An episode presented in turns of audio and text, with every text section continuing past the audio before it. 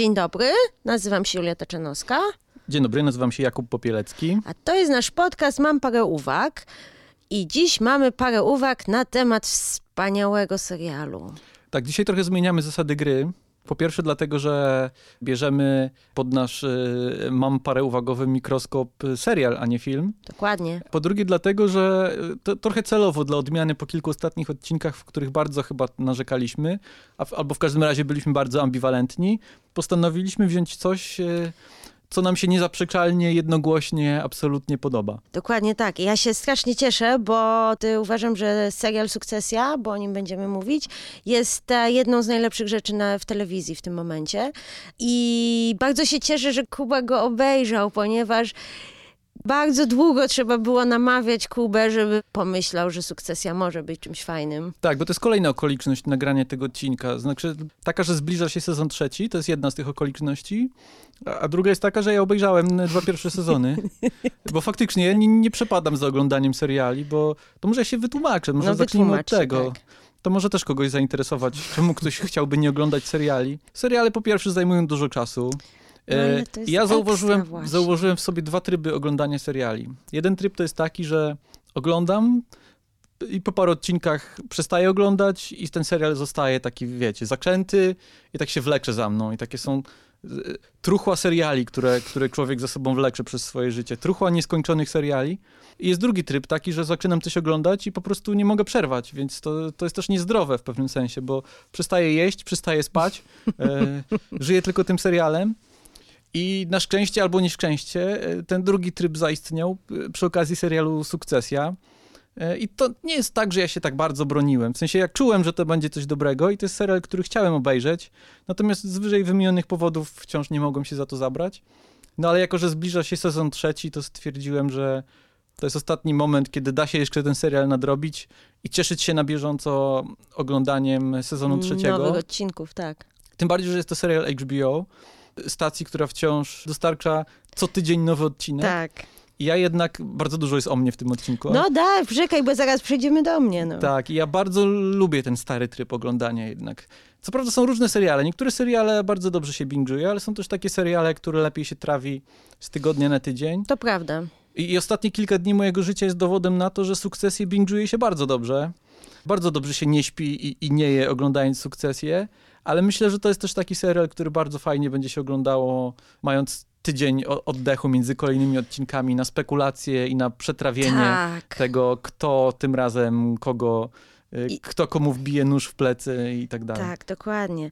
Po pierwsze, Sukcesja jest wspaniałym serialem, e, ale pewnie do tego zaraz przejdziemy. Natomiast do, jeżeli chodzi o oglądanie seriali, to ja na przykład uwielbiam. Nagle odkryje się coś fajnego i szczególnie jeżeli to coś ma jeszcze trzy sezony i można się zatopić w jakimś po prostu wspaniałej historii i oglądać coś i być z bohaterami. A jeżeli chodzi o binge'owanie bądź nie binge'owanie, to tutaj się akurat z tobą zgadzam, bo rzeczywiście fajnie jest oglądać, e, szczególnie jeżeli w grupie się ogląda, tak jak my na przykład planujemy oglądać sukcesję, w sensie, że cała redakcja kocha i będziemy oglądać na, na bieżąco e, i potem spotykać się następnego dnia i o tym gadać, to jest najwspanialsze. Ale z drugiej strony wiem, że na przykład niektóre seriale, tak jak dla mnie True Detective, oglądałam z odcinka na pierwszy sezon, z tygodnia na tydzień i miałam wrażenie, że strasznie dużo mi szczegółów różnych umykało. Więc to też różnie bywa. Ale mi się też to podoba na przykład na zasadzie formy serialowej. W sensie, jeśli seriale są pomyślane w sposób Tak. odcinkowy, to jednak jest coś, co jest specyfiką tej formy podawczej i to jest coś, co należy celebrować i z czego należy korzystać. W sensie nie podoba mi się y, kierunek, w jakim zmierza na przykład Netflix. Netflix, który zaczął jakby tę modę na wrzucanie od razu seriali w całości. I to ma u nich jakby formalne reperkusje. To serial wjeżdża od razu, mamy wszystkie 12, 13, 15 odcinków i trochę zanikają granice między kolejnymi odcinkami. To prawda. Po prostu te seriale nie są pomyślane jako formy epizodyczne, tylko są pomyślane jako 15-godzinne coś. Tak. E, Po prostu odcinek się kończy i wjeżdża komunikat, czy chcesz obejrzeć następny odcinek, klikasz i po prostu jedziesz dalej.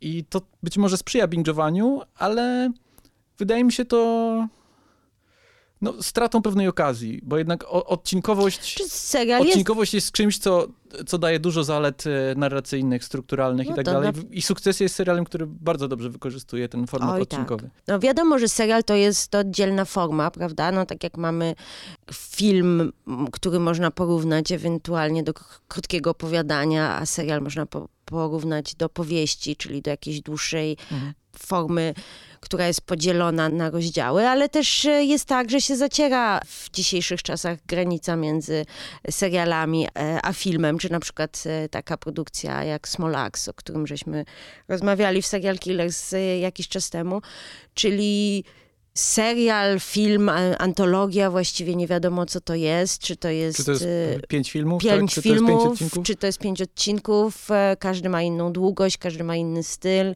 opowiada inną historię, więc ja po prostu się cieszę, że mamy tyle różnych form, e, które możemy oglądać i które są dostępne właściwie, można oglądać w kinie, można oglądać w domu, każdy znajdzie e, coś dla siebie. No, je, jedynie nie jestem fanką oglądania filmów na komórce, bo to jest coś, co, czy z filmów, czy seriali, bo to jest coś, co uważam, że jest straszne, ale jeżeli komuś to odpowiada i ktoś to lubi, no to wiadomo, czemu nie. Tak, ja tylko chciałem powiedzieć tyle, że ja wolę, kiedy serial jest serialem i kiedy celebruje formę odcinkową.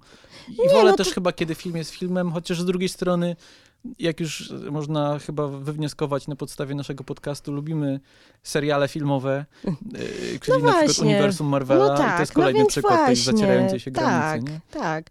Nie, no ja uważam, że właśnie to jest chyba fajne w dzisiejszych czasach, że nie ma jakiejś takiej formy, że właśnie coś musi trwać tyle i to znaczy, że jest tym, prawda? Mhm. Tylko, że rzeczywiście mamy te odcinki nawet.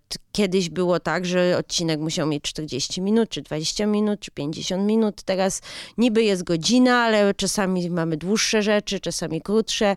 Jakby forma jest dopasowana do historii Mhm. i to mi się podoba. No. Ja, ja lubię, ja się nie przywiązuję do jakiejś jednej formy. Przywiązujemy się za to do sukcesji i chyba Oj, możemy tak. wreszcie zacząć rozmawiać o serialu, o którym o mieliśmy serialu, rozmawiać. tak, Jezu, co to jest?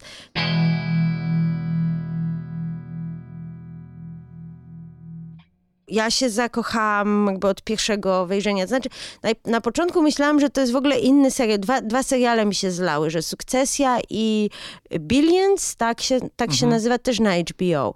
Ja myślałam, że to jest jakby, że to jest jeden, czy i właśnie jak nam mi mówili, różne, różne osoby y, opowiadały o tym, że Sukcesja taka wspaniała, ja tak patrzyłam się, mm, bo problem z Sukcesją jest taki, na początku oczywiście, w sensie, że zanim się zacznie ją oglądać oczywiście, że wygląda absolutnie jak każdy inny serial. W sensie, że jeżeli się czyta opis, to jest to serial o bogatych ludziach. Mieliśmy Od dynastii po od modę na sukces. Dokładnie, po prostu Po mnóstwo, po Billions, po, nie wiem, Gossip Girl, jakiś, każdą wersję i poważną, i na żarty i tak dalej. I pytanie jest, czy nam się chce to oglądać po raz kolejny i co takiego jest w sukcesji, że dlaczego jest świeża i nowa i, i opowiada nam o świecie dzisiejszym. No ja też sposób. e, jakby z, będziemy dużo klaskać, nie? Ja ci też tu przyklasnę, też uważam, że to jest e, absolutna e- ekstra klasa serialowa. Ja od razu chciałbym wpisać ten serial w pochód tej takiej serialowej arystokracji, ale trochę się spieszę z tym. Znaczy, na przykład bo- mówiąc językiem filmwebu, czy to jest serial na 10 na 10?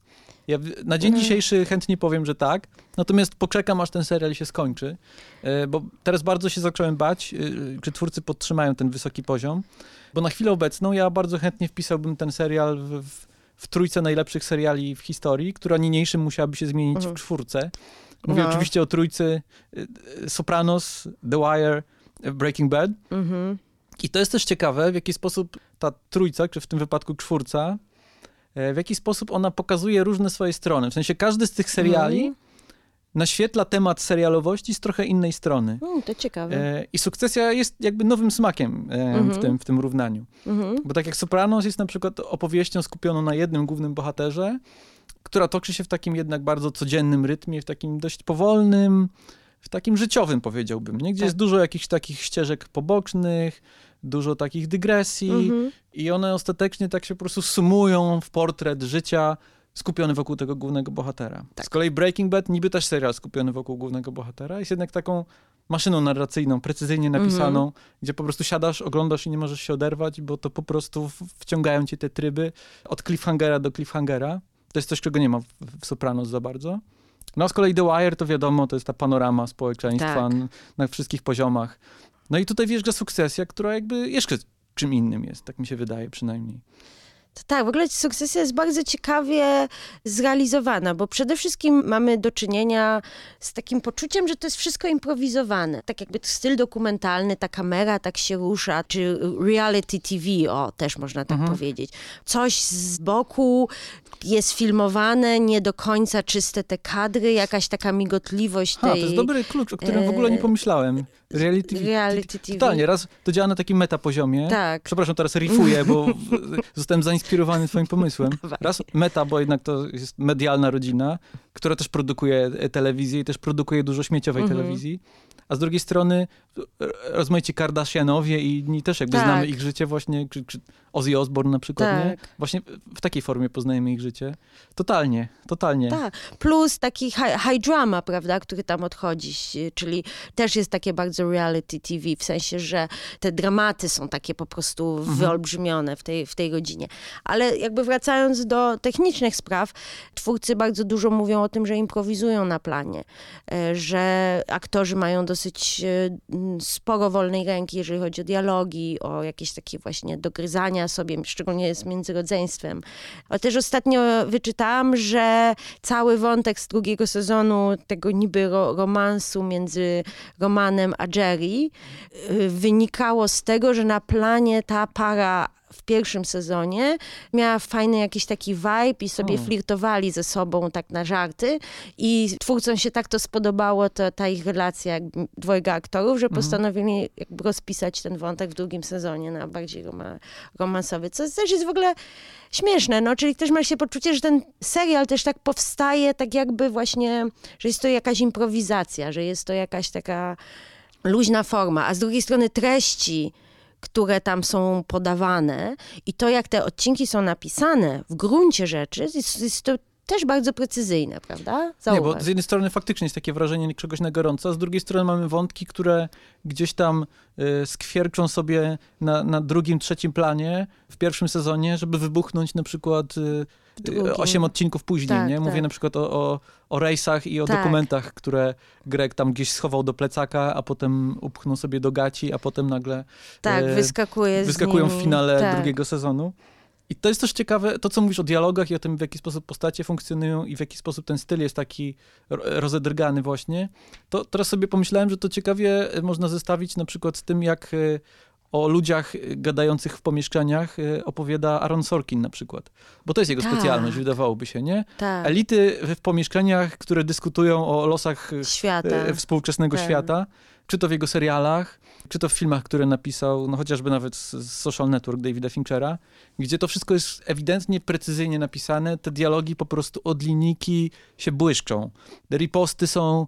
Są e, cięte, są bardzo i to nie jest- inteligentne. To nie jest oczywiście zarzut, nie? Nie. To jest po prostu dopięte na ostatni guzik taka fi- filmowo-dialogowa maszynka.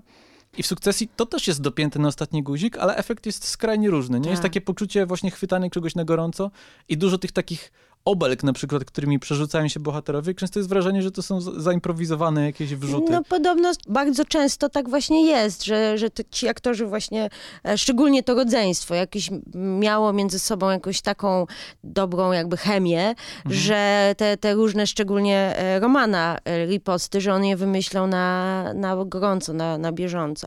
Ale też, bo jednym z twórców jest Adam McKay, jednym z twórców tego serialu, co do, oczywiście pewnie też przejdziemy do tego.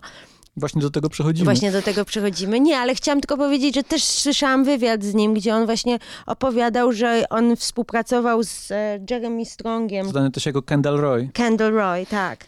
W każdym razie, że on z, współpracował z nim wcześniej i że mieli właśnie bardzo dobrą, zawsze jakby ta ich współpraca była na tyle dobra, że pozwalał Jeremiemu robić różne rzeczy na planie takie. e, Jest tam jedna taka scena, którą on opi- opisuje, kiedy Kendall rozwala łazienkę, a potem ją sprząta. I, i to jest podobno wszystko wymyślone przez, przez Jeremiego na planie w tym momencie, że on po prostu powiedział Jeremy go i Jeremy zaczął rozwalać łazienkę. No, więc takie No rzeczy... tak, ale właśnie, bo ta tak, gorączka formalna, tylko o której mówisz, Tak. też coś, to się trochę kojarzy z filmami McKeya. Tak, McKay co prawda jest tutaj tylko producentem, nie? tak, Ale tak. no ewidentnie jest też y, ważną postacią No, on zdaje się pierwszy projekcie. od, odcinek wyreżyserował No tak. jakoś tak. Plus, jeżeli chodzi o, o tematy, które on porusza w swoich filmach, czyli no, Big Short chociażby. E, znaczy, McKay nawet jeżeli w tych swoich wcześniejszych komediach, chociażby Policja Zastępcza, Chociaż wydaje mi się, że dałoby się przeciągnąć linię od Anchormana do sukcesji. do To sukcesji, bardzo naciągnięta lina, ale czy Coś w tym jest. y, McKay zawsze używał, poruszał, nawet w swoich najgłupszych komediach, poruszał wątki społeczne. Mhm. I nawet właśnie w Policji Zastępczej mamy cały wątek emerytur policyjnych, które są jakoś tam, ma tam być jakiś szwindel i Mhm. właśnie nasi policjanci mają powstrzymać złych finansistów przed okradzeniem policji. Tam jest taki wątek. No i to jest też, no tak jakby w duchu jego twórczości. Woli ścisłości zaznaczmy tylko, że showrunnerem seria, serialu jest niejaki Jesse Armstrong, Jesse Armstrong, e, tak. człowiek, o którym nigdy wcześniej nie słyszałem. To prawda, ja też nie. Chociaż zrobił dużo, dużo różnych, y, y, napisał dużo filmów, y, zrobił dużo seriali, między innymi filmy Film Cztery Lwy, napisał nawet jeden z odcinków Black Mirror, No tu widzę, że masz też VIP figurantka. ale tylko jeden odcinek. Tylko jeden odcinek, aha. No ale to też jest taki serial właśnie trochę o kulisach władzy i, e, i o tym, jak to jest śmieszne, smutne, Tak, ale to jest, tragiczne. jest w tym jakaś taka pozytywna informacja, że nigdy nie jest za późno, żeby napisać jeden z najlepszych seriali na świecie. Na świecie, to prawda. E, I jeszcze do tego McKeya i do tej takiej gorączki i tej, tej takiej trzęsiawy, która jest w tym serialu, e, wydaje mi się, że ją też wzmaga taki pomysł, żeby każdy z odcinków z grubsza skupił się wokół jakiegoś takiego jednego większego wydarzenia. I to po pierwsze, to ja teraz będę bił w ten swój Mm. bębenek e, odcinkowości, bo to ewidentnie tworzy taką epizodyczną strukturę, gdzie każdy odcinek jest e, zamkniętą całostką dramaturgiczną, e, która wprowadza jakiś temat i go przeprowadza. I oczywiście to jest tylko jeden z etapów jakiejś większej opowieści, no ale te odcinki są pięknie skonstruowane e, z otwarciem, z puentą i z przeprowadzeniem jakiegoś tematu. I w tym przeprowadzeniu tego tematu pomaga to, że one są bardzo tak e, skupione wokół, tak jak mówię, konkretnego wydarzenia albo wokół jakiegoś miejsca. Często tak było w, w przypadku niektórych seriali, HBO nawet, powiedzmy Grotron albo Dziewczyn. Mhm. Najlepsze odcinki to były te, które rozgrywały się w, W jednym miejscu, w, w jednym czasie. miejscu ze wszystkimi bohaterami Tak. naraz. Tak jak na przykład Wesele Joffreya w Grze o Tron. Tak. E, Zgadzam albo się. tam co piąty odcinek Dziewczyn, który rozgrywał się na jakiejś imprezie. Gdzie te boha- ci bohaterowie jak takie elektrony odbijali się od siebie nawzajem. I tutaj mamy to po prostu niemalże w każdym odcinku, nie? Mamy odcinki, odcinek pierwszy rozgrywa się podczas urodzin e, Logana Roya, mamy odcinek podczas jakiegoś wyjazdu firmowego, mamy odcinek podczas polowania, e, wieczoru kawalerskiego, ślubu, przesłuchań, czy finałowy odcinek drugiego sezonu, Na gdzie mamy jachcie. jachtowy sąd. I, Tak. I wydaje mi się, że to potęguje to wrażenie tej takiej go- gorączki, a z drugiej strony jest bardzo takie rzetelne formalnie. Mm, tak, to prawda. I też e, wydaje mi się teraz tak właśnie przyszło mi na myśl, że ta migocząca kamera Mhm. też spełnia taką funkcję, że jakby nadaje dynamizmu całej tej historii. W tym sensie, że jeżeli mamy ludzi siedzących w pokoju i rozmawiających, czy w jakimś jednym miejscu, to przez to, że ta kamera jest bardzo dynamiczna, Mhm. jakby nie ma się poczucia jakiejś teatralności, czy jakiejś właśnie Mhm. takiej stagnacji, czy czegoś takiego, po prostu nudy. A druga rzecz też pomyślałam o tej kamerze, że tam bardzo ważne są reakcje. Mhm. Czyli ktoś coś mówi i widzimy, jak bohaterowie reagują na różne wydarzenia, na słowa, jakie, bo słowa są bardzo ważne, ale słowa niekoniecznie znaczą to, co znaczą, czyli Mhm. ludzi, bohaterowie niekoniecznie mówią to, co naprawdę myślą. Mhm. I dlatego tak bardzo ważne jest zbieranie reakcji e, i gry aktorskiej, która jest w ogóle też fenomenalna, to jest inna rzecz. Ale bardzo ważne jest właśnie to odczytanie tego, co jest prawdziwe. Mowa ciała i te reakcje tych bohaterów bardzo są tutaj istotne. Tak, nawet teraz przed chwilą y, patrzyliśmy się na finową scenę drugiego sezonu, gdzie Logan i Shiv y, oglądają Kendala w telewizji i mamy takie ujęcie, w którym Shiv tak jakby łapie spojrzenie ojca w którymś momencie. Tak. Że najpierw odwraca się do niego twarzą, ale wciąż patrzy na telewizor, po czym, po czym spotykają się wzrokiem i to są właśnie takie mikromomenty, które po, pokazują jakiś taki rodzaj porozumienia, czy też relacji władzy, bo to ewidentnie tak jakby Logan przywołał Shiv, żeby spojrzała na niego Tak. swoim wzrokiem, nie? I to są rzeczy, które wydaje się, że są jakimiś mikroelementami, które można by przegapić, ale one są fundamentalne dla budowania tych relacji. Tak, i tego serialu w ogóle.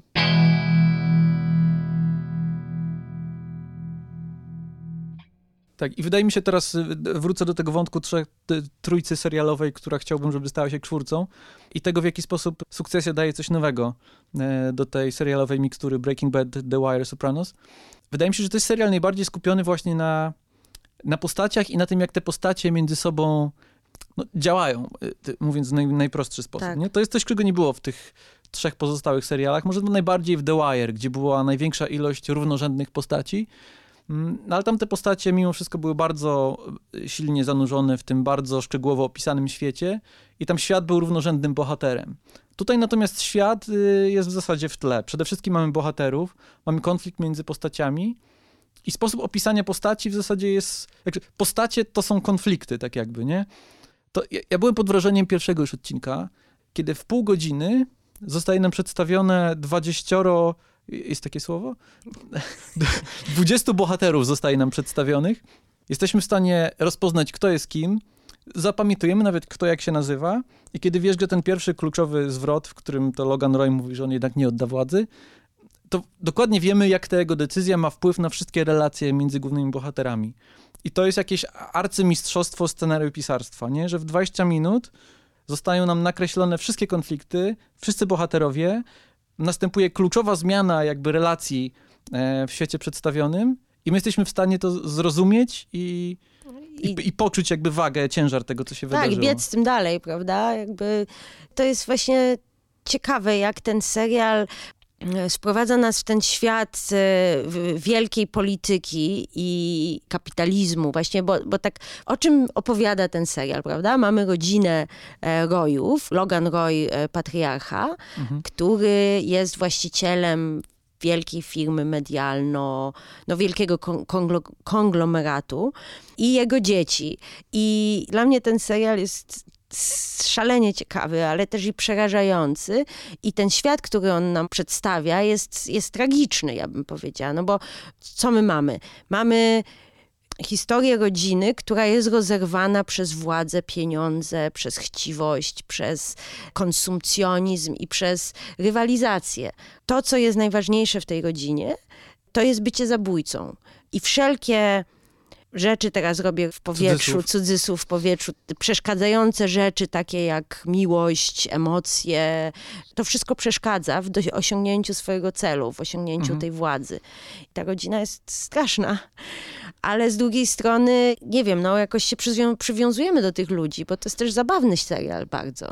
Tak, bo tutaj też na tym poziomie działa to twoje mm. porównanie mm. do, do reality show, bo to się trochę ogląda jak taki reality show, w sensie, tak. że to są postacie które są obrzydliwe, ale jakoś tak fajnie jest się pobrudzić nimi. W sensie, oni nas zarazem obrzydzają, ale też bardzo dobrze ich rozumiemy, bo to jest też serial o rodzinie, nie? No tak. I bardzo łatwo jest jakby przełożyć sobie swoje własne e, rodzinne czy, czy pracowe jakieś relacje na, na, na ten serial. Tak, to, że oni są tacy super bogaci, lubimy ich nienawidzić, mhm. lubimy im dokopać, chcemy patrzeć na to, E, jak oni się niszczą, jak oni są żałośni w różnych sytuacjach, żeby też poczuć się lepiej jako zwykli ludzie, którzy nie mają tych, tych wszystkich milionów. E, I trochę im zazdrościmy może stylu życia, statusu, władzy i tak dalej, ale z drugiej strony widzimy, jakie to jest smutne i przerażające i ciężkie i, i bo tak sobie myślałam, pamiętam jak pierwszy raz oglądałam ten serial, jakby ta rodzina wyglądała bez tych pieniędzy. W sensie, czy to by była miła i kochająca się rodzina? Możliwe, że nie do końca, ale na pewno byłoby im łatwiej w życiu, gdyby nie mieli tych wszystkich pieniędzy, nie wiem. Tak, to jest też taki trochę element wentyla społecznego, nie? Tak. że kopiemy bogatych. Tak, dokładnie. E, e, że jakby możemy się obtoczyć w tym blichtrze, ale bez takiego eskapizmu, jak na przykład w Dynastii, czy w Modzie na sukces, gdzie w zasadzie ta, ta ich obrzydliwość nie jest jakby wzięta w cudzysłów, nie jest tematyzowana, tylko ona tak. jest jakby atrakcją, nie? Tak. Tutaj też jest atrakcją, ale zarazem mamy to osadzone w konkretnym świecie i twórcy nie ukrywają przed nami jaki wpływ na cały świat mają działania głównych bohaterów. Tak, i to jest właśnie też takie smutne, prawda, że jeżeli sobie pomyślimy, że, że, że to są właśnie ludzie, którzy rządzą światem i mhm. de facto zarządzają nami wszystkimi i od kaprysów jakichś dzieciaków może zależeć po prostu los milionów e, ludzi, albo zmiany klimatyczne, albo kurde, nawet praca tysięcy ludzi. No nie wiem, no jest to jakieś niepokojące z, z drugiej strony, więc chcemy, żeby oni byli żałośni i smutni i chcemy się czuć lepsi niż oni z drugiej strony, żeby mieć jakieś takie poczucie władzy, chociażby Chociaż ja się nie czuję lepszy niż oni. Ja się czuję paradoksalnie taki jak oni. Jakby o, y, y, coś takiego jest Znaczy, ja wiem, serialu. ten serial, ten serial właśnie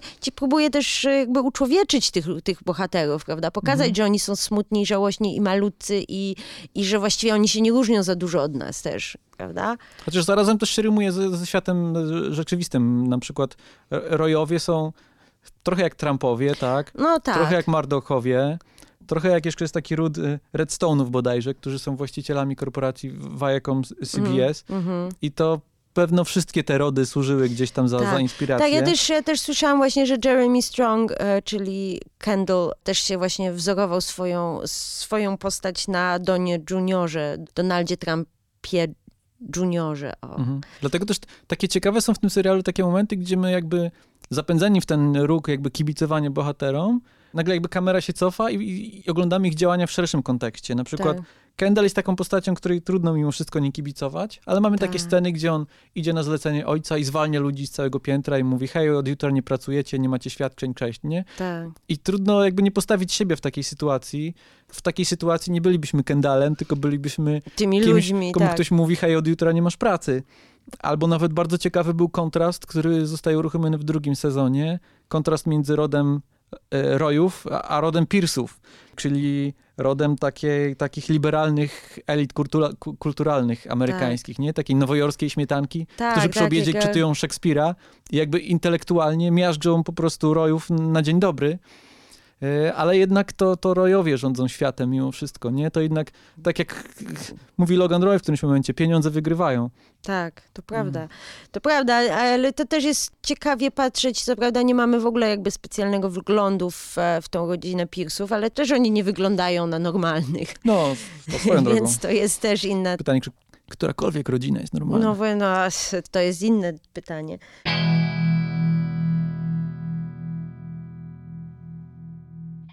No, ale w każdym razie rojowie na pewno nie są normalni w takim klasycznym e, rozumieniu tego słowa. Mi się bardziej rojowie kojarzą z e, w ogóle ten dramat sukcesji z taką antyczną tragedią, Mhm. która w gruncie rzeczy, no bo o czym to jest? To jest to o ojcobójstwie. Mhm. Nawet sukcesja, sam tytuł mówi, prawda, co następuje po czymś, czyli coś starego musi odejść, żeby przyszło coś nowego.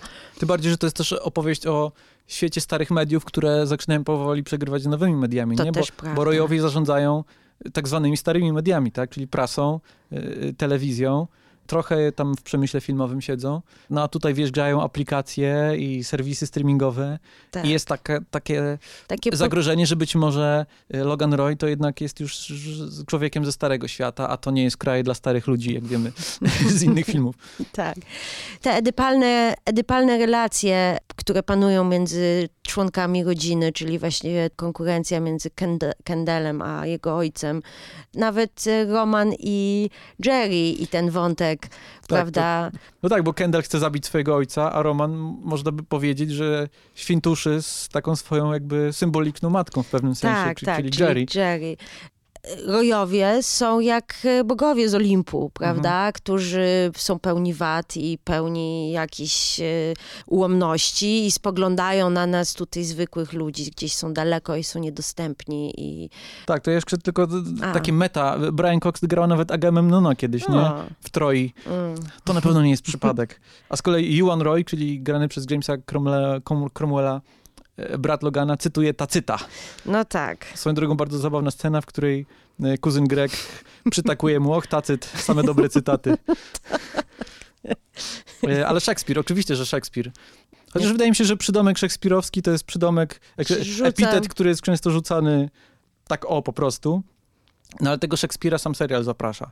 Tutaj Szekspir jest wywoływany z nazwiska nieraz. E, Ja sobie to nawet zapisałem, te- kilka razy, kilka razów, które, na które zwróciłem uwagę. E, Mamy taką scenę, w której Frank, czyli taka prawa ręka Logana, cytuje w którymś momencie Szekspira, który nawiązuje do, do Coriolana bodajże, na co Logan Roy mówi mu, żeby spadał ze swoją kartą biblioteczną. Tak, tak, to bardzo zabawne. Mamy też Pearsów, o których już powiedziałem, którzy cytują Szekspira e, przy obiedzie niemalże. Oczywiście Logan Roy potem im odparowuje swoim, y, tutaj ja robię cudzysłów, ulubionym cytatem z Szekspira, po prostu weźcie te pieniądze. No ale tak, wydaje mi się, że ta opowieść o elitach, to, to jest bardzo szekspirowskie, nie? No przecież Szekspir y, y, regularnie opowiadał o sporach na, na szczytach władzy i opowiadał o tym, jak to bogaci się wadzą i był w tym taki element y, zabawy w kopanie bogatych, nie? Mhm. I mamy też po prostu y, fabułę, która się rymuje z kilkoma sztukami Szekspira, siłą rzeczy, bardziej lub mniej. No, no, no tak. no król, król Lear wprost opowiada o sukcesji, tak? Czyli tak. o ojcu, który rozdaje swoje królestwo dzieciom i dzieją się potem złe rzeczy. Mamy też Juliusza Cezara na przykład, gdzie, gdzie Brutus jakby y, zabija swojego symbolicznego ojca. Kendall w takim razie byłby taką brutusową tak. figurą. Ale wydaje mi się, że przede wszystkim szekspirowskie jest to skupienie na postaciach. To, o czym wcześniej mówiłem i to, co mówiłem, że wyróżnia um, sukcesję z trójcy slash czwórcy najlepszych seriali ever.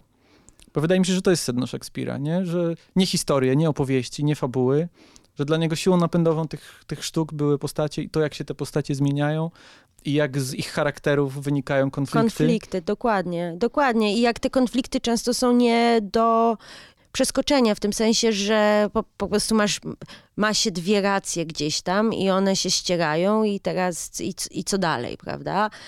I tutaj też jest taki właśnie tragiczny, e, nie wiem, chichot losu.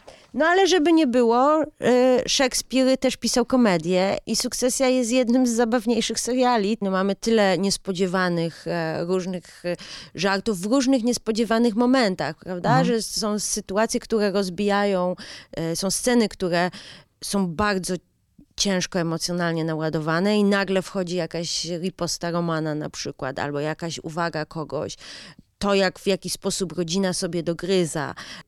Rodzina, nie rodzina, bo nawet y, współpracownicy.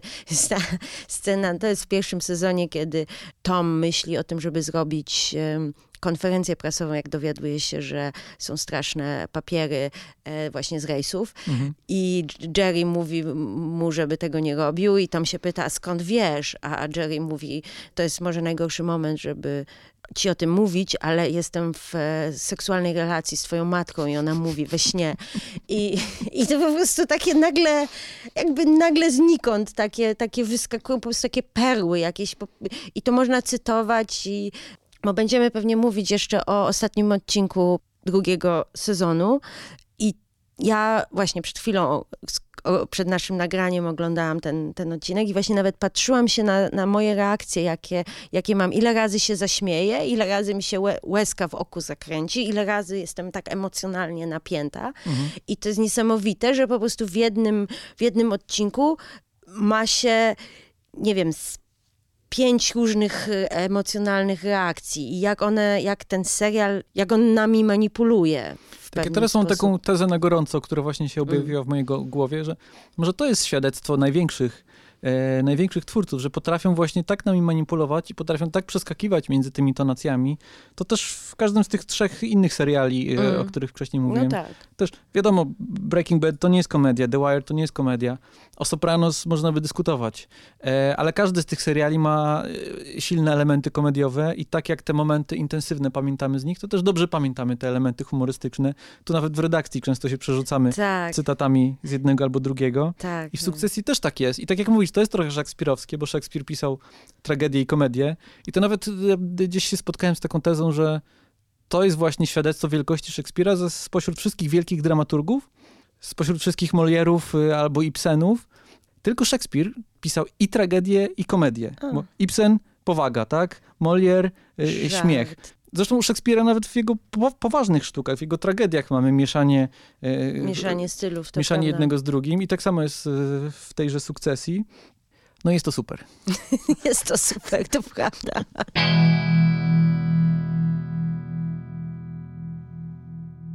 Nie byłoby też tego serialu, nie, był, nie byłby ten serial tak super, gdyby nie wspaniali aktorzy. I to, co mnie zadziwiło, to to, że to są, że to są relatywnie mało znani aktorzy. Że ja, bym się nie zgodził. To są aktorzy znani, tylko to są aktorzy, których nie pamiętasz skąd znasz często.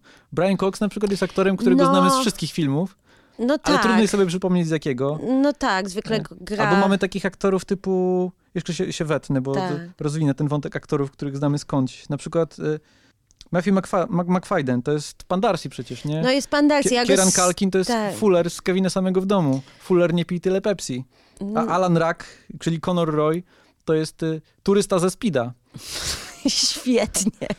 No więc ja, ja e, Toma, aktora grającego Toma, po prostu uwielbiam. Ja naprawdę uwielbiam tego aktora i to jest niesamowite też, że mimo całej sympatii mojej do aktora, Tom jest dla mnie odrażającą postacią. W sensie, że tak strasznie nie lubię go w tym, w tym serialu, mimo że wiem, że grał no chociażby pana Darcy'ego, który był zupełnie inną postacią i że w ogóle ci aktorzy naprawdę, ta chemia między nimi jest też wspaniała i to jak oni właśnie weszli w tę rolę i podobno też, też wyczytałam, że mieli trening y, Produkcja zatrudniła coachy od y, bogatych ludzi, w tym sensie, że uczyli się, uczyli się robić różne y, Czyli rzeczy, się być jak bogatymi. tak, tak, że na przykład y, bogaci ludzie e, tam nie zapinają płaszczy, bo tylko przechodzą z, Hmm. e, z helikoptera do limuzyny i z limuzyny do domu, e, albo że się nie, właśnie na, się nie schyla głowy, jak się wsiada do helikoptera, bo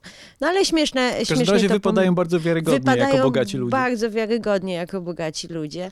A propos jeszcze chciałam scenografii powiedzieć, i bo już zaraz wrócimy do aktorów pewnie, że ten świat wygląda bardzo wiarygodnie, w tym sensie, Mhm. że nie ma się poczucia, że to jest jakaś tanie, tania scenografia, tylko że te wnętrza i kostiumy są naprawdę... To jest czynnik HBO, wydaje mi się, e, nie? Myślisz, że... Że jakby gdyby to zrobił Netflix, to byś czuła te trzy pomieszczenia, w których nakręcono ten serial. Tak, mimo że właściwie rzeczy się dzieją właściwie w jednym pomieszczeniu, czy w Mhm. niewielu pomieszczeniach, ale jakoś jakiś jest oddech e, w tym i to nie jest tanie, o, to chciałam. To jeszcze tylko szybki off-topic, y, skoro już y, od aktorów, do których zaraz wrócimy, E, bo teraz mi się pomyślało, że ten efekt tego takiego bogactwa i tego takiego wysokiego C też y, buduje bardzo dobrze muzyka.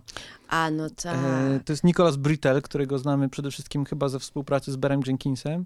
I tam już u Barego Jenkinson w takie bardzo takie neoklasyczne tony e, Tak. uderza, że tak generuje jakieś takie poczucie jakiejś takiej arystokratyczności, powagi, to, nie? to, to, ten fortepian. fortepian, e, orkiestra, ale z drugiej strony mamy na przykład w czołówce ten taki beat, który jest takim bardzo 90-owym beatem, Mhm. takim trochę trip-hopowym.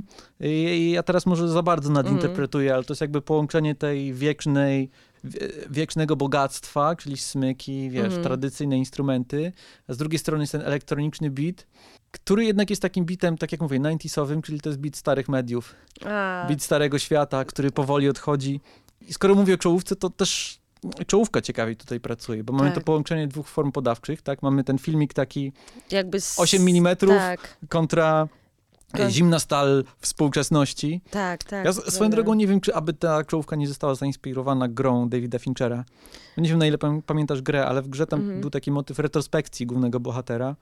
E, pamiętam granego tak przez. Michaela Douglasa, Tak, Nicholas Van Orton bodajże się nazywał. I on też był właśnie tam y, e, bogaczem. I on miał takie jakieś traumatyczne wspomnienie z dzieciństwa i to te wspomnienie były właśnie konotowane za pomocą takiej ziarnistej Mm. taśmy y, 8 mm. I to wyglądało bardzo podobnie, też to zestawienie tej takiej fincherowskiej, zimnej współczesności Tak. z tym takim ciepłym ziarnem e, filmiku domowego. Więc Tak. to wszystko się Ale sumuje, nie? też prostu. zauważ w tej czołówce, oni wszyscy są ustawieni. To też nie jest tak, że podgląda się jakąś miłą, rodzinną sytuację. oni oczywiście. wszyscy są e, ustawieni, ubrani i w jakichś takich sytuacjach bardzo sztywnych. I te dzieci, e, zresztą to jest ciekawe, bo w, w pierwszym sezonie czołówka jest e, tak jakby ustawiona na Kendela, prawda? Że Mhm. jest tam chłopak zostawiony przez ojca, a w sezonie drugim czołówka jest tak jakby wokół dziewczynki się kręci, czyli Hmm. tak jakby Shiv komunikuje, że to jest sezon sezon, w którym Shiv będzie ważniejszą postacią. Więc... No to by się zgadzało w tym sensie, że jej rola Tak. jakby rośnie w drugim, w, w Tak, drugim tak, sezonie, nie? prawda. Tutaj ona dużo, Że- dużo aktywniej gra. Tak, Tak, jakby. no tak, no tak jakby wychodziła na, no, na prowadzenie w tej sukcesji, prawda? Ja bym argumentował, że mimo wszystko, mimo tego, że to jest jednak praca zbiorowa, e, również aktorska, to gdybym miał wskazać głównego bohatera, jednego głównego bohatera tego serialu, to wskazałbym, zgadnij, No Kendela, bo żeśmy, Kendala, no bo to- żeśmy rozmawiali o tym już. to, to po pierwsze to jest, to jest postać, od której serial się zaczyna, To też to jest postać, na której serial się kończy. Oba sezony są skonstruowane w ten sposób, nie? Jakby tak. mamy takie rymujące się sceny otwarcia i zamknięcia. No to jakby o jego duszę się toczy stawka tutaj. Mhm. Bo mamy pytanie, czy Kendall się stanie swoim ojcem, czy zachowa jakąś resztkę, resztkę człowieczeństwa, zachowa w ogóle swoje człowieczeństwo, e, nie tam resztkę, bo on jest, e, moim zdaniem, on jest bardzo empatyczną osobą, która w pewnych momentach jest powiedzmy twardym, zimnym, przychodzą mi same brzydkie słowa na, do głowy Draniem. draniem, ale powiedzmy draniem, ale on na przykład broni swoje rodzeństwo przed ojcem, prawda? Jest ten, ta scena, kiedy Logan uderza Romana. Mhm. I co robi Kendall? Mimo, że jest niby złamany przez ojca, staje w obronie brata, Mhm. czy staje w obronie swoich dzieci, broni swojego synka. Więc jakby ma te relacje, ma jakieś takie właśnie rodzinne, empatyczne odruchy. Dlatego na przykład, mimo że mu kibicowałam w ostatnim odcinku, żeby jednak przeciwstawił się i nie poddał się i przeciwstawił się ojcu, boję się, że to jest cena, którą musi zapłacić. Tak, no to jest czyli... trochę też postać tragiczna w takim sensie, że któregokolwiek z rozwiązań nie wybierze, to przegra, nie? Tak, Bo albo nie stanie się swoim ojcem i będzie e, czuł się jak e, po, porażka, człowiek, który przegrał, po prostu nie Tak. dorósł, albo stanie się swoim ojcem, czyli porzuci swoje człowieczeństwo. tak, tak. No ale Kendall przy całej sympatii, którą do niego mamy, jest też pozerem trochę na przykład, nie? No jest, Ba- bardzo- słucha, słucha, Słucha rapu. rapu. Sam rapuje. Tak, o Jezu, ta scena jest tak komiczna, jak on rapuje. No, Też żeśmy przed nagraniem e, powtórzyli sobie tą scenę, gdzie e, tam jedna z bohaterek mówi, wypala mi to oczy, ale nie mogę ode- oderwać wzroku. I to jest dokładnie to. No, to jest szczyt żenady, a z drugiej strony jest tak zabawne i tak, tak jakby opisuje jego postać, i jego miłość do taty w ogóle i nie wiem, ja bardzo Mhm. lubię Kena jako postać. I no, tak jakby mu cały czas kibicowałam. Za pierwszym razem, jak oglądałam serial, to wydawało mi się, że Siobhan jest moją ulubienicą. Trzymałam jej stronę, y, ale jednak nie. Jednak to nie jest y, osoba, która do końca jest, y, jest, jest fajna. No to jest trochę ta sama tragedia, o której przed chwilą powiedziałem skandalem, nie? Tylko, Mm. że ona jakby dalej zaszła, wydaje mi się... Ona jest najbardziej do ojca podobna, bym powiedziała. Jeżeli chodzi o bycie takim Ona też w pewnym sensie przechodzi najbardziej taką wyraźną drogę w takim sensie, że zaczyna jako jednak ta, y, outsiderka. ta dzik outsiderka rodzinna, która po pierwsze nie jest w strukturach korporacyjnych, po drugie jakby światopoglądowo się z nimi nie zgadza, bo ona jednak jest niebieska, y, jest Tak. związana z, z, z liberalnymi e, amerykańskimi elitami. No ale w toku drugiego sezonu jakby okazuje się, że jednak zależy jej na tej władzy i ona w pewnym sensie oddaje sumienie za tę władzę. Jakby Tak. widzimy jak krok po kroku ta korporacja odbiera jej człowieczeństwo i to też bardzo silnie pracuje w tym, w tym wątku rejsowym. Race, tak. Me I too. tu mamy taki odpowiednik, yy, tak, w zasadzie mi tu przepracowany przez, przez ten serial. To świetnie napisana yy, rozmowa, w której Shiv próbuje, Przekonuje prze, przekonuje w zasadzie, tak, tę te, tę kobietę, która chciała yy, zeznawać i przeciwko, zeznawać przeciwko rodzinie, tak. prawda? I o, tak, i opowiedzieć o tym, co się naprawdę działo i jak kobiety były molestowane na, Mhm. na tych rejsach. I to jest też takie smutne, bo te argumenty, które y, Shiv używa, to są argumenty takie, ona po prostu patrzy się w twarz kobiecie i kłamie. Z jednej strony używa feminizmu i solidarności kobiecej Mhm. jako, jako argumentu, ale z drugiej strony jakby działa z, z, po to, żeby właśnie schować wszystko, żeby ukryć, żeby prawda nie wyszła na jaw. To jest przerażająca scena właściwie. Tak, bo ona wykorzystuje retorykę taką fe feministyczną, Tak. kobiecą, wspólnotową do tego, żeby rozbroić w zasadzie Tak. impuls y, takiej walki z patriarchatem. I to jest rodzaj jakby porażki jej osobistej, nie? Tak. Y, Chociaż jest to doraźne zwycięstwo dla, dla korporacji rojów. Ale też się na dłuższą metę okazuje, że jej gra nie do końca się opłaca, nie? Bo kiedy w ostatnim odcinku, chociaż może do tego jeszcze przejdziemy. Przejdziemy, przejdziemy. ostatni Tak. odcinek. Co będzie w ostatnim odcinku, o tym porozmawiamy za chwilę. To ja nie wiem, czy coś jeszcze o Shiv, czy pora na Romana. Pora na Romana. Zawsze jest pora na Romana. Roman jest świetną postacią. Jest, Roman to jest najbardziej atrakcyjna postać Tak. chyba w tym serialu. Tak, tak, no jest najbardziej zabawna, no ma najwięcej jakby zabawnych scen e, i Roman, Roman jest takim trochę błaznem rodzinnym. Mhm. No, błaznem w takim sensie, że błaznem jak na dworze królewskim, że jest Może głupcem. powiedzieć więcej może, przez to, nie? Tak, tak, nie jest brany poważnie, ale, Mhm. może wte, ale może powiedzieć prawdę przez to, że jest śmieszny i niby trochę jakimś dewiantem albo czymś takim i Mhm. jest taki jakby nietraktowany poważnie przez to, przez, przez godzinę i w związku z tym on najwięcej, no właśnie, mówi naj, najwięcej prawdziwych rzeczy. Ale też widzimy jego przemianę w, w drugim sezonie, kiedy on zaczyna sięgać po tą władzę coraz bardziej. I też widzimy to, jak on bardzo on się boi ojca, bo on wygląda na taką osobę, która się najmniej boi e, i właśnie naj, najwięcej będzie mówił szczerych rzeczy. Mhm. A z drugiej strony, jak jest właśnie ta scena, kiedy ta rozmowa z ojcem po tym, jak ojciec mu daje w twarz, Mhm. I ten ojciec tak jakby próbuje, że przecież ja bym tego nigdy nie zrobił, czy ja cię w ogóle dotknąłem i Roman tak jakby nic nie było, w ogóle nic się nie wydarzyło. To jest tak ciekawe, bo to jest jakby- chwila, w której Roman, który wydaje się, że zawsze ma ciętą ripostę, Tak. jakby nie wie, co powiedzieć. Tak. I tam jest taka desperacka wręcz linika, kiedy on mówi, o, samochody, Budynki. budynki za oknem, coś tam, nie? Tak, to, tak, to jest niby zabawne, ale to właśnie nie jest zabawne, tylko takie właśnie przerażające, tak pokazujące, jak, y, jaką władzę ma Logan nad swoimi dziećmi i w ogóle nad całym światem, że tam naprawdę nie ma nikogo, kto by mu się przeciwstawił, oprócz Kena na końcu. Bo Ken próbuje przez cały, przez cały sezon, prawda? Przez cały, Boże, przez cały serial. Tylko nie zawsze mu wychodzi.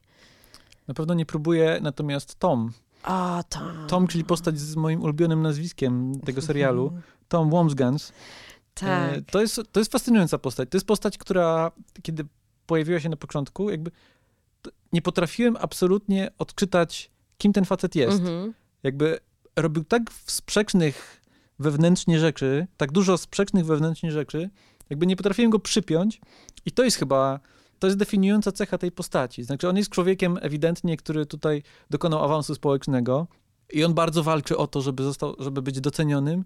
No i wije się jak piskosz po prostu, próbując zadowolić wszystkich. No przede wszystkim jest tak jak jakby w takim rozkroku, to znaczy on nie ma właściwie żadnej władzy, Mhm. nawet w swoim małżeństwie nie ma, nie ma władzy, jego żona totalnie dominuje ten związek, natomiast jest on potwornie okrutny i okropny dla swoich pod, podwładnych, Mhm. czyli dla ludzi, którzy mają mniej władzy niż on.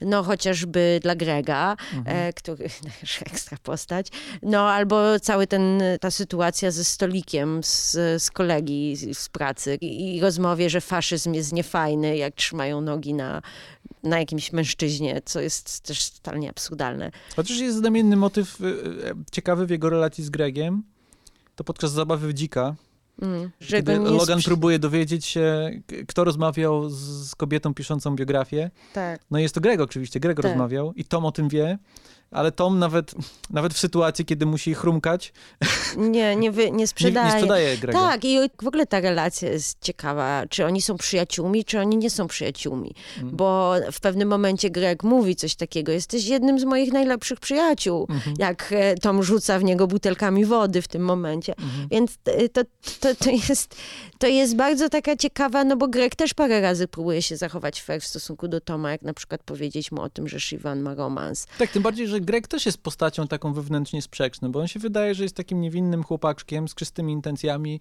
i bardzo czystym moralnie, ale on też jest oportunistą, który kiedy, kiedy trzeba jednak e, Potrafi. wybiera wła- własną korzyść, nie? Ale też... Chociaż trudno jednemu i tak. drugiemu nie kibicować, głównie dlatego, że oni są ustawieni cały czas na pozycji takich underdogów. Tak. Pewnie w komentarzach będą ludzie pisać, że używamy dużo amerykańskich słów y, angielskich. Ale nie wiem, czy słowo underdog ma jakiś dobry polski odpowiednik. Na pewno Czarny ma. koń? Może, nie wiem. Chociaż nie, Czarny Koń to Pod jest... to- pies. Pod, pod pies. Czarny koń to też nie do końca jest to. No jest e, jeszcze e, Marsia, która jest żoną Logana. To jest fascynująca postać dla mnie, bo ona jest enigmą. Właściwie nic o niej nie wiemy. I też nie wiemy, jak na ile władzy ona ma nad Loganem, bo ewidentnie Logan jest do niej przywiązany, Mhm. bardzo ją szanuje, ceni jej zdanie, a z drugiej strony jakby ona nic nie robi, ona nic nie mówi, ona jest jakby szarą eminencją, Na przykład jest taka, taki moment w pierwszym sezonie, kiedy Logan przechodzi rekonwalescencję i tam bodajże musi przejść kawałek Tak. o własnych siłach. Y, No i Marsha jakby nie daje mu odpocząć. Mówi, jeśli chcesz tam, bodajże ma jakiś klucz czy coś, co on chce wziąć. I mówi, jeśli to chcesz, musisz do mnie podejść, nie? tak. Czyli ona też w pewnym sensie go nakręca, nie? Daje mu Nakręca. takiej... y, mo- Motywuje go w pewnym sensie, jest taka trochę gra y, władzy w ich związku, ale tak jak mówisz, ta jej tajemniczość jest najbardziej intrygująca, nie? Że trochę nie wiadomo skąd ona się wzięła, trochę nie wiadomo na jak wiele ją stać. Tak, ona jest jedyną tą osobą, którą Logan dopuszcza na najbliżej siebie, bo zauważ, że jest ta scena, gdzie jest to niby terapia rodzinna na pustyni u Conora i tam dzieci mówią, tata nie pływa, tata nigdy nie pływa, tata nie lubi wody. Mhm. E, I potem jest ostatnia scena, kiedy tata pływa w basenie i ma całe te plecy zaorane Mhm. i tylko Marsza to widzi, prawda? I ona go otula ręcznikiem, więc też tak sobie myślę, że na ile ona jest w ogóle tą osobą, która. Bo, bo, to, co ceni Logan najbardziej, to jest bycie twardym. I na ile Marsza po prostu jest twardsza od niego. Mm. I może to jest to, co jest atrakcyjne dla niego w niej. To jest bardzo ciekawa postać. Ja bardzo czekam, no oczywiście czekam na trzeci sezon i czekam jakby na wszystko, co się tam wydarzy, ale mam nadzieję, że w trzecim sezonie coś więcej dostaniemy z Marszą. tym bardziej, że status Marszy jest taki niejasny chwilowo, nie? Bo po Te- pojawieniu się Rei, która jakby wbija taki klin między Marsię a Logana trochę, Tak, w dwóch ostatnich odcinkach Marsi nie ma i widzimy, że Logan próbuje się z nią skontaktować, pyta, gdzie ona jest i tak Tak. dalej, ale ona pozostaje tak jakby... no nie ma, Nieobecna, jakby zniknęła. Ale pytanie, czy ta jej nieobecność nie jest sposobem na, na kontrolowanie Logana, nie? Czy Mm. ona nie gra, nie gra chwilowo trudnej do zdobycia? Możliwe, możliwe, możliwe, No. bo, bo wydaje mi się, że ona po prostu, ona jakby złapała jakieś kod, no jakby rozgryzła go, takie mam wrażenie. I coś, czego dzieci nie potrafiły zrobić nigdy. Na, na tym przyjęciu e, z okazji tam 50-lecia pracy, czy już nie pamiętam, no to, to co Reja mu imprezę niespodziankę Mhm. robi. Mhm. I Marsza mówi coś takiego, y, chcesz oddać władzę, ty mówisz, że chcesz oddać władzę, y, nudzisz mnie, jestem znudzona, prawda? I też sobie tak pomyślałam, aha, czyli to jest po prostu też zagranie, prawda? Że, Mhm. że ona go motywuje, żeby był twardy i trzymał tą władzę. Jest bardzo ciekawa postać. No i zostaje z tych głównych graczy, nam zostaje jeszcze Conor, który jest... y, Który nie jest głównym graczem nie jest głównym graczem i to jest. Właśnie nie wiem, na ile on jest comic reliefem, czy na ile on jest taką, taką śmieszną postacią, że niby Roman ma być tak, taką śmieszną postacią, ale nie do końca jest. Czy na ile Conor jest taką ilustracją bogatego, takiego bogatego głuptaska, który może wszystko i w związku z tym nic nie robi. Mi się wydaje, że w dużej mierze to... Znaczy, ja spotkałem się z takim zarzutem wobec postaci Conora, gdzieś to przeczytałem w internecie, tam różne rzeczy można przeczytać, Tak. że Conor jest w zasadzie po nic, nie? że to jest postać, która nic nie robi i niczego nie zmienia. Wydaje mi się, że Conor, tak jak mówisz, przede wszystkim jest postacią, która pracuje tematycznie, w sensie pokazuje e, to zepsucie. Tak. E, bo on jest pierworodnym synem, który w zasadzie nie robi nic, jest absolutnie odklejony od rze- rzeczywistości do tego stopnia, że zaczyna kandydować na prezydenta Stanów Tak. Zjednoczonych, zupełnie nie posiadając kompetencji na ten temat e, w tej kwestii i tak dalej. Więc to jest raz. Dwa jest super zabawną postacią. Tak, jest zabawny. Oczywiście niezamierzenie zabawną, Tak. co paradoksalnie czyni go jeszcze bardziej zabawnym, y, nie tylko komicznym, ale i tragikomicznym. No i co jeszcze? Nie wiem, no parę takich smaczków, y, na przykład jego przemowa na pogrzebie y, wujka Lestera, Mo Lestera, gdzie on stara się być na tyle eufemistyczny, na ile to jest możliwe, żeby nikogo nie obrazić i mówi jakieś głupoty typu Mo był człowiekiem, tak. był człowiekiem, który umarł. Jego żona jest smutna, dziękuję. tak. Wydaje mi się, jeśli, jeśli postać dostaje y, takie dialogi, to, to nie jest absolutnie niepotrzebna w Nie, serialu. nie, nie, nie. Nie powiedzieliśmy o najważniejszej postaci, czyli o postaci, wokół której się kręci cały świat, czyli, hmm. czyli Logana. Ja nie znoszę go, ja go po prostu nie znoszę. W sensie postacią jest fascynującą, jest wspaniale nagra- zagrana przez e, Briana Coxa, ale to, jakim on jest człowiekiem, jest, e, jest przerażające. Też, też podoba mi się w jakiś sposób ta kurtyna jego wizerunku zostaje odsłaniana, im głębiej w serial wchodzimy. E, na przykład widać to w tej jego relacji z Shiv w drugim sezonie, gdzie najpierw on jakby ją mianuje na następczynię, a potem nagle, kiedy ona oczekuje od niego kolejnych potwierdzeń, to on tylko unosi brwi, robi jakieś dziwne miny i my sobie myślimy, co to za dziwna gra, którą on prowadzi. Mm. Po czym jeszcze kilka odcinków później okazuje się, że on w zasadzie nie wie tak naprawdę sam, co ma zrobić. Tak. To nie jest tak, że on jest monolitem i wie wszystko. Widzimy I że też, jest że... super strategiem, prawda? I że jest super strategiem, tak. Tak, albo że jest osobą, która potrafi trzymać swoje emocje na wodzy, bo przecież on potrafi nawrzeszczeć na ludzi i e, zupełnie nie w tym momencie, co trzeba, chociażby to, jak krzyczy na Nan Pierce, Pierce. na Nan Pierce, tak. Mhm.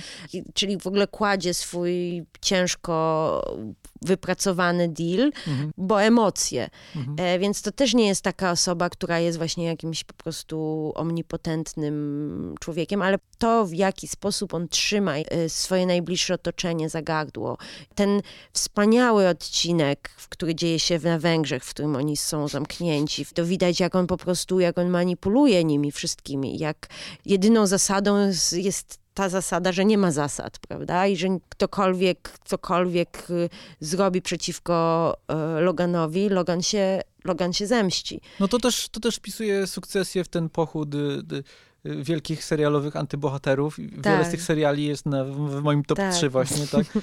No co, Walter White Tony Soprano, Logan Roy, jakby tak. jak najbardziej w tym towarzystwie tak. chyba tak, ale, pasuje. Ale jeszcze wracając do tego, bo rzeczywiście, no jakby już mówiłam o tej scenie na, na basenie, gdzie on widać, że też był po prostu źle traktowanym dzieciakiem. To oczywiście nie, nie usprawiedliwia jakby mhm. jego zachowania, ale też jakby czyni tą postać wielowymiarową. Mhm. I też to, co ten serial potrafił zrobić. Pamiętam, pamiętam jak pierwszy raz oglądałam, to, co mnie też zafascynowało, to to, jak bardzo można komuś współczuć i z drugiej strony nie współczuć w tym samym momencie. I jak, mhm. jak bardzo y, serial y, w jednym odcinku, to zresztą nawet ci opowiadałam, zanim oglądałeś, że w jednym odcinku kibicujesz komuś, jednej mhm. postaci, czyli na przykład w tym wypadku Loganowi, a potem w następnym kibicujesz już Kenowi.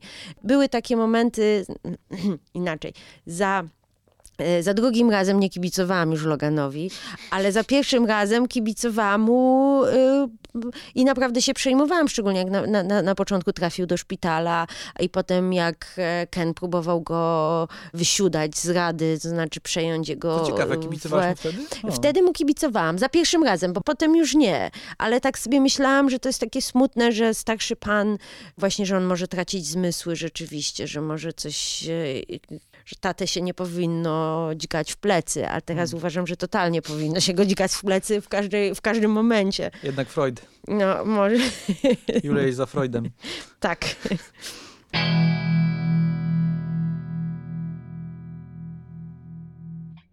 To jest w ogóle ciekawe, jak się ogląda drugi raz ten se y, serial, ile no więcej rzeczy. Nade mną. Tak, ile więcej rzeczy się po prostu zauważa. I na przykład taką mam refleksję, że pierwszy sezon, bo też zauważyłam, że ludzie są podzieleni, który sezon jest, y, czy pierwszy, czy drugi jest lepszy. Mhm. A mi się wydaje, że to nie jest kwestia lepszości, to znaczy moim zdaniem one oba są na, na tym samym poziomie, tylko kwestia jest taka, że pierwszy sezon jest tak jakby ustawia ci świat, to znaczy tworzy reguły świata mhm. E, i opisuje bohaterów, a w drugim, drugim sezonie twórcy zaczynają się bawić tymi postaciami i mm, pogłębiają je i stawiają je w różnych nowych sytuacjach, także jesteśmy w stanie ich bardziej rozumieć. No i na przykład ostatni odcinek e, drugiego sezonu jest, e, moim zdaniem, jest jednym z lepszych rzeczy, które widziałam w telewizji i jakby też tak podsumowuje wszystkie te postacie i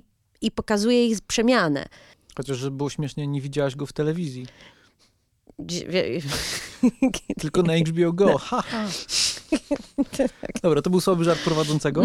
E, ja, ja tylko jeszcze do tej, zanim przejdziemy do tego ostatniego odcinka, bo ja też się zgadzam co do Mhm. najlepszości tego w, w, kiedykolwiek. Ja bym nawet powiedział, że to jest lepsze niż wie, wiele filmów, które widziałem. To jest lepsze niż wiele, większość rzeczy, które widziałem. O, no E, tak. No, bo- Ale ja lubię, ja lubię hiperbolę, więc y, może za dwa Nie. lata nie będę się sam ze sobą zgadzał. Natomiast na dzień dzisiejszy a, ty, tak czuję. E, Ale co do pierwszy kontra drugi, ja oglądając sezon drugi, miałem takie poczucie, że jakby coś zwolniło. Mhm. Pierwszy sezon oglądałem w takiej gorączce, w takim jakby pędzie fabularnym. Też może dlatego, że tam był dużo wyraźniejszy konflikt jednak. To był Kendall kontra Ren. y, Kendall kontra Logan. Wokół niego kręciło się wszystko Tak. inne. Natomiast w drugim sezonie jest dużo więcej tych ruchomych części i to jest bardziej taka rozgrywka szachowa trochę. Więc jest, jest to równie ciekawe i jest to równie dobre yy, i kumulacja ma by- jeszcze lepszą, bo tak jak mówimy, ostatni odcinek, ale je, ogląda się to inaczej, nie? I to ja bym się skupił, jakby- jakbym przyklasnął temu, co ty powiedziałaś, Że to jest no, naj... równie dobre, ale po prostu inne. Są inne, Pięknie tak. się różnią. Pięknie się różnią. Dobra, to zapowiadany od, przez nas już od dawna e, odcinek dziesiąty, sezon drugi. E, This is not for tears, to jest e, oficjalny odcinek tego, oficjalny tytuł tego odcinka. No nie wiem, trochę łez chyba No było. nie, mi się łza zakręciła pod koniec. Miałam aż ściśnięte, ściśnięte gardło po prostu z, z emocji. Zacznijmy może od scenografii, to znaczy nasi bohaterowie są zamknięci Mhm. na luksusowym jachcie, ale w każdym razie są w miejscu, z którego nie mogą uciec. Już tak dosłownie nie mogą się wydostać. No i chodzi o to, kto ma beknąć za e, aferę z, na rejsach. No I to jest trochę jak taki gorący ziemniak, nie? Tak, Który bohaterowie siedząc e, przy stole i patrząc sobie prosto w oczy, przerzucają jeden do drugiego, co jest zarazem bardzo trzymające w napięciu, ale też bardzo zabawne. tak, tak. To też jak układają się te relacje, kto, Kto- komu podrzuca tego ziemniaka, kto w jaki sposób go odbija i kto staje w czyjej obronie na przykład, nie? tak. To też ciekawie opisuje e, te relacje i pracuje na tych relacjach, które zostały zbudowane przez, przez te dwa sezony. Ale zanim, zanim właśnie przejdziemy do tej jakby rozmowy przy stole, tam wcześniej jest e, całe mnóstwo innych ciekawych e, sytuacji, czyli na przykład to, że Roman, e, który w odcinku wcześniej był wzięty do niewoli, do niewoli, powraca i już nie jest tym samym Romanem. Ta sytuacja, w której on rzeczywiście się bał o swoje życie, go zmienia w jakimś sensie. W sensie on dorasta tak jak. I tam jest taka scena, kiedy on mówi do tych swojego czy jak się to wszystko skończy, możemy porozmawiać o uczuciach. I oni, czy możemy po, na, prawdziwie porozmawiać. I oni się śmieją, zaczynają używać takich dziecięcych głosów i że chcesz rozmawiać o swoich uczuciach, o dzidziusiu. Takim się dziwi, jak to jest, że to tylko ja chcę tutaj Tak, rozmawiać na tak, że ja jestem, dojrzały. ja jestem tym po, po, ten, więc to mnie strasznie ucieszyło, bo Roman, który się wydawał taką dosyć psychopatyczną Mhm. postacią przez e, dwa sezony, nagle jest, e, nagle on, on się robi człowiekiem. No i też okazuje się, że będą z niego ludzie w sensie biznesowym, że Tak. potrafi podjąć trzeźwą decyzję, jakby nie dać się ponieść hajowi jakby sukcesu takiego doraźnego, Tak, bo wydawałoby się, że mogliby wziąć te, te miliardy y, do, dolarów, chyba 10 miliardów tam jest 10 bodajże? miliardów, tak, z Bliskiego Wschodu, czy z, Dość- Turcji chyba to było. Turcję, tak. Tak. Natomiast Roman dość trzeźwo podejmuje decyzję, czy doradza ojcu, że to jego zdaniem jest bardzo nie, nie, niepewna sytuacja i że może lepiej w to nie iść. I czujemy jakby ciężar tej Tak. decyzji, który, który na nim spoczywa. A Roman, tak jak znamy historię tego bohatera, on raczej, raczej jest mistrzem uników i mistrzem ściemy, jak zresztą sam Tak. tutaj mówi. No wystarczy przypomnieć historię eksplodującej rakiety Tak, z pierwszego sezonu. No tak, jest to zdecydowanie co, co, coś nowego w tej postaci i czujemy to już od razu, nie? tak, Jak, od momentu, kiedy Roman wsiada, wsiada na statek, tak. to widzimy jakby, że to jest e, trochę inna postać Tak, niż tak, którą znaliśmy prawda. dotychczas.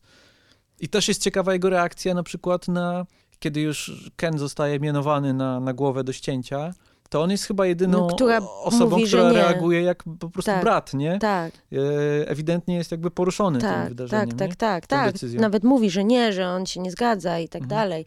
Czyli tak jakby przyjmuje e, rolę Kena, który przedtem powiedzmy dbał o, o rodzinę, o rodzeństwo. Czy przynajmniej starał się e, dbać o rodzeństwo. No. I to jest w ogóle ciekawe, bo to jest jakby pierwszy, pierwszy odcinek, w którym ludzie zaczynają bardziej mówić o emocjach. Chociażby też rozmowa Toma z Shiv. Jest pierwszy raz szczera rozmowa między nimi. Tom pierwszy raz mówi, że mówi o swoich uczuciach i mówi, że mu się nie podoba ta relacja i tak jakby mamy wrażenie, że pierwszy raz też do, do, do Shiv dociera. Tam Tom mówi, e, że jest jak kamyk, prawda? Kocham cię kamyk i wyrzuca i tak się czuje, że on się, on się czuje jak przedmiot w tej relacji i wypomina Shiv, że powiedziała mu o otwartym związku w noc poślubną, co jest mało taktowne rzeczywiście. Podoba mi się w tej scenie y, to, jak oni są usadzeni względem siebie, że oni siedzą jakby bokiem, nie mówią twarzą w twarz. Tak, Tak jakby paradoksalnie, prawdę można powiedzieć tylko nie twarzą w twarz. Jakby bohaterowie sukcesji bardzo sprawnie kłamią sobie w żywe oczy, tak, y, a kiedy trzeba komuś powiedzieć prawdę, to, Tak. to muszą się odwrócić, nie? tak. I to też jakby potęguje int- in- intensywność tej sceny emocjonalną. Raz, że to jest jakby, Tak, to jest coś, co po prostu gotowało się w tym związku. E, No i wreszcie zaczyna kipieć. Boże, ta metafora Mm. poniosła mnie trochę za, za daleko. A dwa, nie wiem jakie jest dwa, szczerze mówiąc. Nie, ja się na przykład e, w tej scenie jest świetna gra aktorska e, Shiv, po prostu w To jest sensie... moje dwa, tak. To jest twoje dwa. Jak ona kompletnie nie umie, nie umie sobie poradzić z tym, co, co słyszy. Potem e, w ogóle ewolucja tej postaci. W poprzednim, e, jednym z poprzednich odcinków e, Reja bardzo fajnie podsumowywuje dzieci Logana. Mhm. Czyli mm, mówi, że Shiv e, myśli, że jest mądrzejsza niż, e, niż jest. Roman jest, ma przebłyski, ale jeszcze nie, nie w tym, jeszcze nie na ten moment. A Ken jest e, jak e, duży dzieciak z dużą pieluchą. Może zrobić kupę w każdym, e, e, ona używa innego słowa, e, w każdym momencie i będzie to posprzątane. Tak, I ale mówi też, że Ken ma wszystkie ruchy, tylko nie wie, kiedy ich je nie, użyć. nie, tak wie, jakby, nie wie, kiedy ich użyć. Tak, i wydaje mi się, że w tym odcinku my to widzimy, bo Mhm. prawda, y, Shiv, która przychodzi do ojca prosić o, o to, żeby Tom nie był tą osobą. Zresztą ojciec jej właśnie mówi, że jeżeli chcesz być szefem, musisz podejmować takie właśnie decyzje, trudne Mhm. decyzje, czy twój brat, czy twój mąż. No i ona skazuje Kena, ale prosi, żeby tylko oszczędzić jej męża i czyli widać, że nie jest, że nie ma tego, co by Logana usatysfakcjonowało. Właśnie to jest bardzo ciekawa scena, bo ona, ona jest jakby wewnętrznie sprzeczna. Zresztą Ona się rymuje oczywiście z tą Mhm. sceną Logana z Kenem, gdzie Ken pyta, czy byłaby szansa, żeby on był kiedyś szefem. Tak. Logan mówi mu, że Musisz być zabójcą. raczej nie, bo musisz być zabójcą. No i potem mamy scenę z Shiv, w której Shiv w pewnym sensie jest zabójczynią, tak? Bo ona zabija Kena. Tak, Ale robi to w taki sposób, mówiąc, że ona nie może podjąć tej decyzji. Tak. Ona zabija Kena, nie prosząc o zabicie Kena, tylko prosząc o ocalenie Toma, tak, Tak. jakby.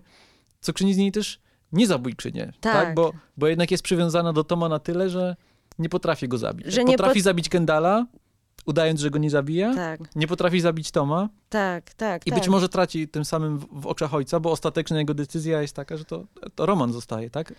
E, Roman zostaje awansowany. Może nie na Tak. następcę, no ale jednak be, bez nadzoru Franka y, y, samodzielnie dostaje to, to, czego chciał. Natomiast y, o Shiv nie ma mowy w, No nie- ostatecznym werdykcie ojca. Tak, no nie wiadomo, co się z nią dalej będzie działo. O kurde. Shiv, jeszcze powiem o Sar- Sarze Snook, czyli aktorce, Tak. która gra Shiv. Ona bardzo dobrze gra świadomość, świadomość tego, że nie robi fajnych rzeczy. Ona bardzo dużo oczami tutaj robi. Tak. Jakby, to jest też to, o czym wcześniej mówiłaś, że jest bardzo, bardzo dużą zaletą tego serialu, to, że postacie nie zawsze mówią to, co myślą, albo wiemy, co myślą o tym, co mówią, e, a nie jest to powiedziane, tylko jest to pokazane, nie? I to jest właśnie to, to, to super aktorstwo, e, gdzie usta robią jedno, Tak, a oczy robią drugie. No i to jest też w tej scenie z Tomem, o której mówiliśmy, scenie na plaży, gdzie jakby Tom w pierwszym, na pierwszym planie e, rozmawia z kamieniem, e, a na drugim planie mamy reagującą na to Shiv. Tak. No to, to, to jest aktorstwo. E, So much acting, Tak, ale so to much jest acting. Ale ona, tak, ona jest świetna, to prawda. Chociaż jeszcze powiem a propos, Mhm. gdybym miał wskazać naj, najciekawszą rolę w tym serialu, jednak bym wyróżnił Matthew McFaddiena, Mhm. y, y, czyli Toma, ale to właśnie przez tę fascynującą mnogość emocji, które on musi zagrać naraz, nie? Ta śliskość tej postaci, która skrywa tego zbitego pieska, który po prostu chce, żeby chce po prostu być ważny, żeby Tak. nie wiem co. I to, E, to jego takie plątanie się właśnie Plus w konwenansach. ambicja jeszcze, tak. Mhm. Tak, no dokładnie. Plątanie się w konwenansach i, i, i próbowanie jakichś takich grania na różnych fro- frontach, mimo że on kompletnie, nie wiem, czy się do tego nadaje. To też zobaczymy być może w trzecim e, sezonie. No tak, ale wracając do sceny, wracając do sceny, gdzie rozgrywa się jakby ta dyskusja między e, członkami rodziny, e, kto ma odejść i w ogóle jak, jaka to jest intensywna po prostu wymiana nie wiem, jak, jakie ty miałeś odczucia oglądając to, ale ja, ja, Silne. ja silne. Roman broni Jerry, to mnie bardzo wzruszyło. E, I bardzo dobrze zresztą to argumentuje, że ona jest kobietą, więc wypchnięcie kobiety w takiej sytuacji nie, nie będzie wyglądać Ale też jest dobrze. ciekawe to, że jest takie poczucie fatum. Mimo tego, że jakby jest p- roszada i takie szachy, Tak. to ja miałem takie poczucie, że wiem, w którą stronę to zmierza. To też trochę, trochę konstrukcyjnie, w sensie o to się prosi, żeby wszystko wróciło do Kendala. No i spodziewałem się, że to wróci do Kendala, a mimo to czułem Bo wagę bolało, tego, czułem ciężar, a może właśnie to, dlatego bardziej, może bardziej tak. bolało, nie? Nie, no i w ogóle y, jak masz tą scenę, proszą Kendala, żeby przyszedł do ojca i Kendall idzie i nie mamy dźwięku diegetycznego, tylko Mhm. mamy muzykę i takie ściemnienie i on jakby wchodzi do, tej, do tego pokoju, gdzie jest ten ojciec i ta cała rozmowa, e, gdzie właściwie ta, ta, ta historia o Inkach, o zabiciu swojego syna, Mhm. e, poświęceniu czegoś, co się najbardziej kocha. I to jest właśnie dla mnie pytanie, co Logan ma w głowie? Czy on naprawdę kocha te swoje dzieci? Czy on kocha tylko władzę? Czy on nie umie ich kochać? Czy, Bo to jest trochę tak jakby czy to on... jest podstęp? Właśnie, to jest, to jest bardzo ciekawe, bo to brzmi trochę tak, jakby on sam siebie usprawiedliwiał we własnych Tak. oczach, ale ja też y, spotkałem się z takim odczytaniem tej sceny, że to jest masterplan ojca, że ojciec liczy na to, że Kendall się przeciwko niemu zwróci, że to jest ten, to ostatnie popchnięcie, którego on Mhm. potrzebuje i on w pewnym sensie poświęca siebie właśnie, żeby uratować firmę, ustawia Kendalla w pozycji zabójcy, tak jakby, nie? Pytanie, na ile to jest świadome, na ile to jest nieświadome. E, No tak jak to ostatnie ujęcie, tak? Czyli twarz Briana Coxa, który jest trochę wkurzony, a trochę się śmieje. Trochę jest dumny, tak. E, syna, tak, że syn się stał zabójcą. To jest też ciekawa rzecz. Ja na przykład się zastanawiałem, w którym momencie Kendall podejmuje decyzję. To jest też ciekawe, bo ja też właśnie się pa- patrzyłam na, jakby oglądając ten ostatni odcinek, jest kolacja, gdzie jest to ogłoszone, że Kendall bierze to na siebie i potem oni wsiadają do helikoptera z Gregiem i Greg e, musi iść do toalety i mówi coś takiego, Kendall do niego mówi, nie bój się, nie bój, nie wyskoczę przez okno, możesz Mhm. pójść do toalety. I Greg mówi, że to jest naprawdę przykre, co, co tata zrobił. I w tym momencie Jeremy Strong marszczy czoło. Ja sobie pomyślałam, czy to jest ten moment, Aha. czy to jest ten moment, kiedy do niego do, dochodzi, że to jest nie fair, albo, albo czy on już miał ten plan wcześniej e, uknuty, czy... Bo to jest też ciekawe, na przykład, kiedy ojciec go prosi na ścięcie głowy, że tak powiem, to on Mhm. idzie w taki sposób, jakby, jakby już wiedział, w którą stronę Tak. to zmierza. Chociaż to jest taki tryb, który często się Kendallowi włącza, czyli Tak. taki tryb robota, tak jakby. Tak, Nie wiem, mi się wydaje, że to jest też decyzja, która kisi się tak jakby przez cały odcinek w nim, że to jest Tak. jakby wypadkowa kilku różnych rzeczy, które się wydarzają także w tym odcinku i kilku rozmów, które on ma z kilkoma ważnymi y, dla siebie osobami, bo raz, to jest rozmowa z Naomi Pierce, czyli jego obecną dziewczyną, dziewczyną. chyba tak, tak ją tak, należy nazwać, Tak, kiedy ona zostaje jakby wyproszona z jachtu, bo on nie należy do rodziny. Ojciec jest niezadowolony z tego, Tak. że ona tam jest, generalnie nie podoba mu, wszystkie dziewczyny Kendalla mu się niezbyt to po- jest podobają. prawda, to jest Nie. prawda. A Kendall czasami się jakby przychyla do sugestii Tak. ojca, że tak powiem. I ona na pożegnanie mówi mu, że ojciec kocha go tylko kiedy jest złamany. Więc to jest taki pierwszy znak, nie? Tak. Pi- Pierwszy moment jakby refleksji. Potem mamy scenę ze Stewiem, kiedy Tak, Logan i Kendall płyną do Stewiego, do Grecji bodajże. tak. To jest ostatnia Gdzie szansa jakby taka... To jest też ciekawe ze strony ojca, bo on jakby, on już mówi, w- chyba kiedy oni płyną tam, że on mówi, wiem, co chcę zrobić, ale nie chcę tego robić. Tak, Czyli tak jakby, to jest jego ostatnia próba uratowania Kena. uratowania Ken, Kena w Tak. pewnym sensie i poświęcenia siebie, nie? Bo on, przełknięcia dumy w każdym Tak. razie. E, No i Stewie nie przyjmuje decyzji i Ken zaczyna wtedy go obrażać, mówiąc mu, a zrobię ci to i Tak. tamto. I Stewie go przedrzeźnia, mówiąc, co, co ty gadasz, w ogóle to nic nie znaczy, to Tak. są tylko słowa. Więc to jest taki jakby drugi sygnał do Kena, Tak. tego kim on jest, jak on się zachowuje i e, jakie jest pole do poprawy dla niego. Tak, No i trzecie to jest to rozmowa z, z ojcem o zabójcach, tak? tak. Że on nie jest zabójcą, więc może powinien jednak zostać tym zabójcą. I wydaje mi się, że te trzy rzeczy się sumują w jego, w jego moment jakby Tak. autorefleksji. I, a, I tu też mamy bardzo ładną klamrę, taką sezonową i, i serialową, bo tak jak mówiłem, pierwszy sezon się zaczynał od relacji między Kendallem a Loganem, kończył się na tej relacji, na tym przytuleniu Tak. ojca przez syna. I teraz mamy y, y, ciekawie rymujące się sceny, bo serial się zaczyna, drugi sezon zaczyna się od konferencji prasowej, na którą Kendall zostaje wysłany Tak. przez ojca.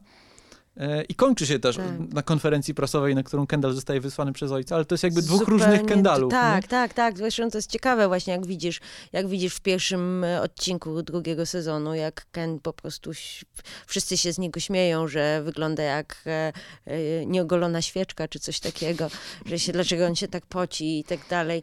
A właśnie tu już jakby jest jest his own man. No, Tak, zupełnie to panuje nad sytuacją, Zupełnie nie? panuje, przedziera papiery, wyrzuca. Kiedy mówi swoje bat, to Tak, jest tak, tak. potężne bat. Tak, Ja też zauważyłem taką dziwną analogię między tą. To chyba rozmawialiśmy o tym Mm. przed chwilą. Jak jest ta scena, w której Kendall rapuje dla ojca. przed nagraniem żeśmy o tym E, rozmawiali. Tak, że Kendall e, e, rapuje i odrzuca mikrofon, robiąc taki klasyczny Tak. mic drop. tak, Ale to tak, wypada dość żenująco, bo to jest Kendall pozer. tak. A tutaj na końcu też robi rodzaj mic dropu, bo te takie kartki, na których Ka- miał napisane to, co ma do powiedzenia, odrzuca Tak. niemalże takim samym gestem i odchodzi tak. like a boss, chciałby tak, się powiedzieć. dokładnie, dokładnie. Och kurde, ja się nie mogę doczekać trzeciego, trzeciego sezonu, naprawdę. No wiem, że to już, już, już, już, już za sekundę. Już są pierwsze recenzje, które mówią, że jest e, całkiem spoko, więc... e, To jest też ciekawe, e, nie wiem, czy widziałeś plakaty zapowiadające trzeci sezon. Podział, godziny. Tak, bo ja obejrzałem, czy najpierw widziałem jeden z tych plakatów i pomyślałem, aha, czyli to będzie szło tak, bo tam mamy dwa rzędy rojów, tak, Tak. jakby idące w stronę kamery, Tak. Po czym okazało się, że jest kilka sprzecznych plakatów, Mm. gdzie ten układ postaci Jest zupełnie jest inny. zupełnie inny A, i zamieniają się ciekawe. miejscami. Więc pytanie, czy to w jakiś Ciekawe. sposób odzwierciedla to, jak będą zmieniały się frakcje, czy po No, prostu twórcy zobaczymy. Grają z naszymi oczekiwaniami. Na pewno wygląda na to, że Ken i Greg są w jednym zespole, Mhm. prawda? A co z resztą rodziny? No, jak się to wszystko ułoży dalej, no to zobaczymy. Mnie też cieszy to, że twórcy powiedzieli, że planują, że serial skończy się na czwartym sezonie. O, ekstra. Znaczy, Znaczy ekstra smutno, ale ekstra, że nie chcą tego przeciągać jakoś. Tak, ja widziałem taką wypowiedź, że na pewno Mhm. nie będzie więcej niż pięć sezonów, prawdopodobnie cztery. Wydaje mi się, że to Mhm. jest przepis na to, że udaje mi się e, utrzymać poziom i dojechać do Tak. tej 10 na 10 e, oceny w moim prywatnym rankingu. E, No bo bardzo na to liczę, na pewno. No, tak jak mówisz, pierwsze recenzje odnośnie trzeciego sezonu Tak. są chyba jak najbardziej pozytywne, więc zdecydowanie jest na, na co czekać. Pewnie wrócimy jeszcze do tego serialu kiedyś w naszym podcaście, No, na pewno. a na pewno na Filmwebie będziemy o nim jeszcze dużo mówić. Tak, tak, tak, to prawda. Nie wiem, czy możemy zdradzać, bo tym razem wyjątkowo wiemy, o czym będziemy mówili w kolejnym odcinku. Trochę strach powiedzieć, żeby. A nuż okaże się, że będziemy mówili o czym innym. No, może lepiej nie mówić, ale jedną rzecz e, tylko zatizuję, że e, ja zmieniłam zdanie na temat tego filmu, w sensie, że na początku bardzo, bardzo, bardzo go nie lubiłam, a teraz... e, Tylko trochę go nie Tylko lubisz. trochę go nie lubię, ale zaczęłam go doceniać. O. I chętnie o nim porozmawiam. Tak, no ja powiem tylko tyle, że w, przy okazji tego filmu, o którym mówił Julia, wrócimy do naszego trybu ambiwalentnego, No. e, czyli rozmów o filmach, które trochę nam się podobają, a trochę nie. Tak. Ale to przecież jest ciekawe, nie? No to na pewno. Zawsze jest, dla nas. zawsze jest fajnie porozmawiać, dokładnie. Dobrze, to dziękujemy za uwagę w takim razie i do usłyszenia. Do usłyszenia.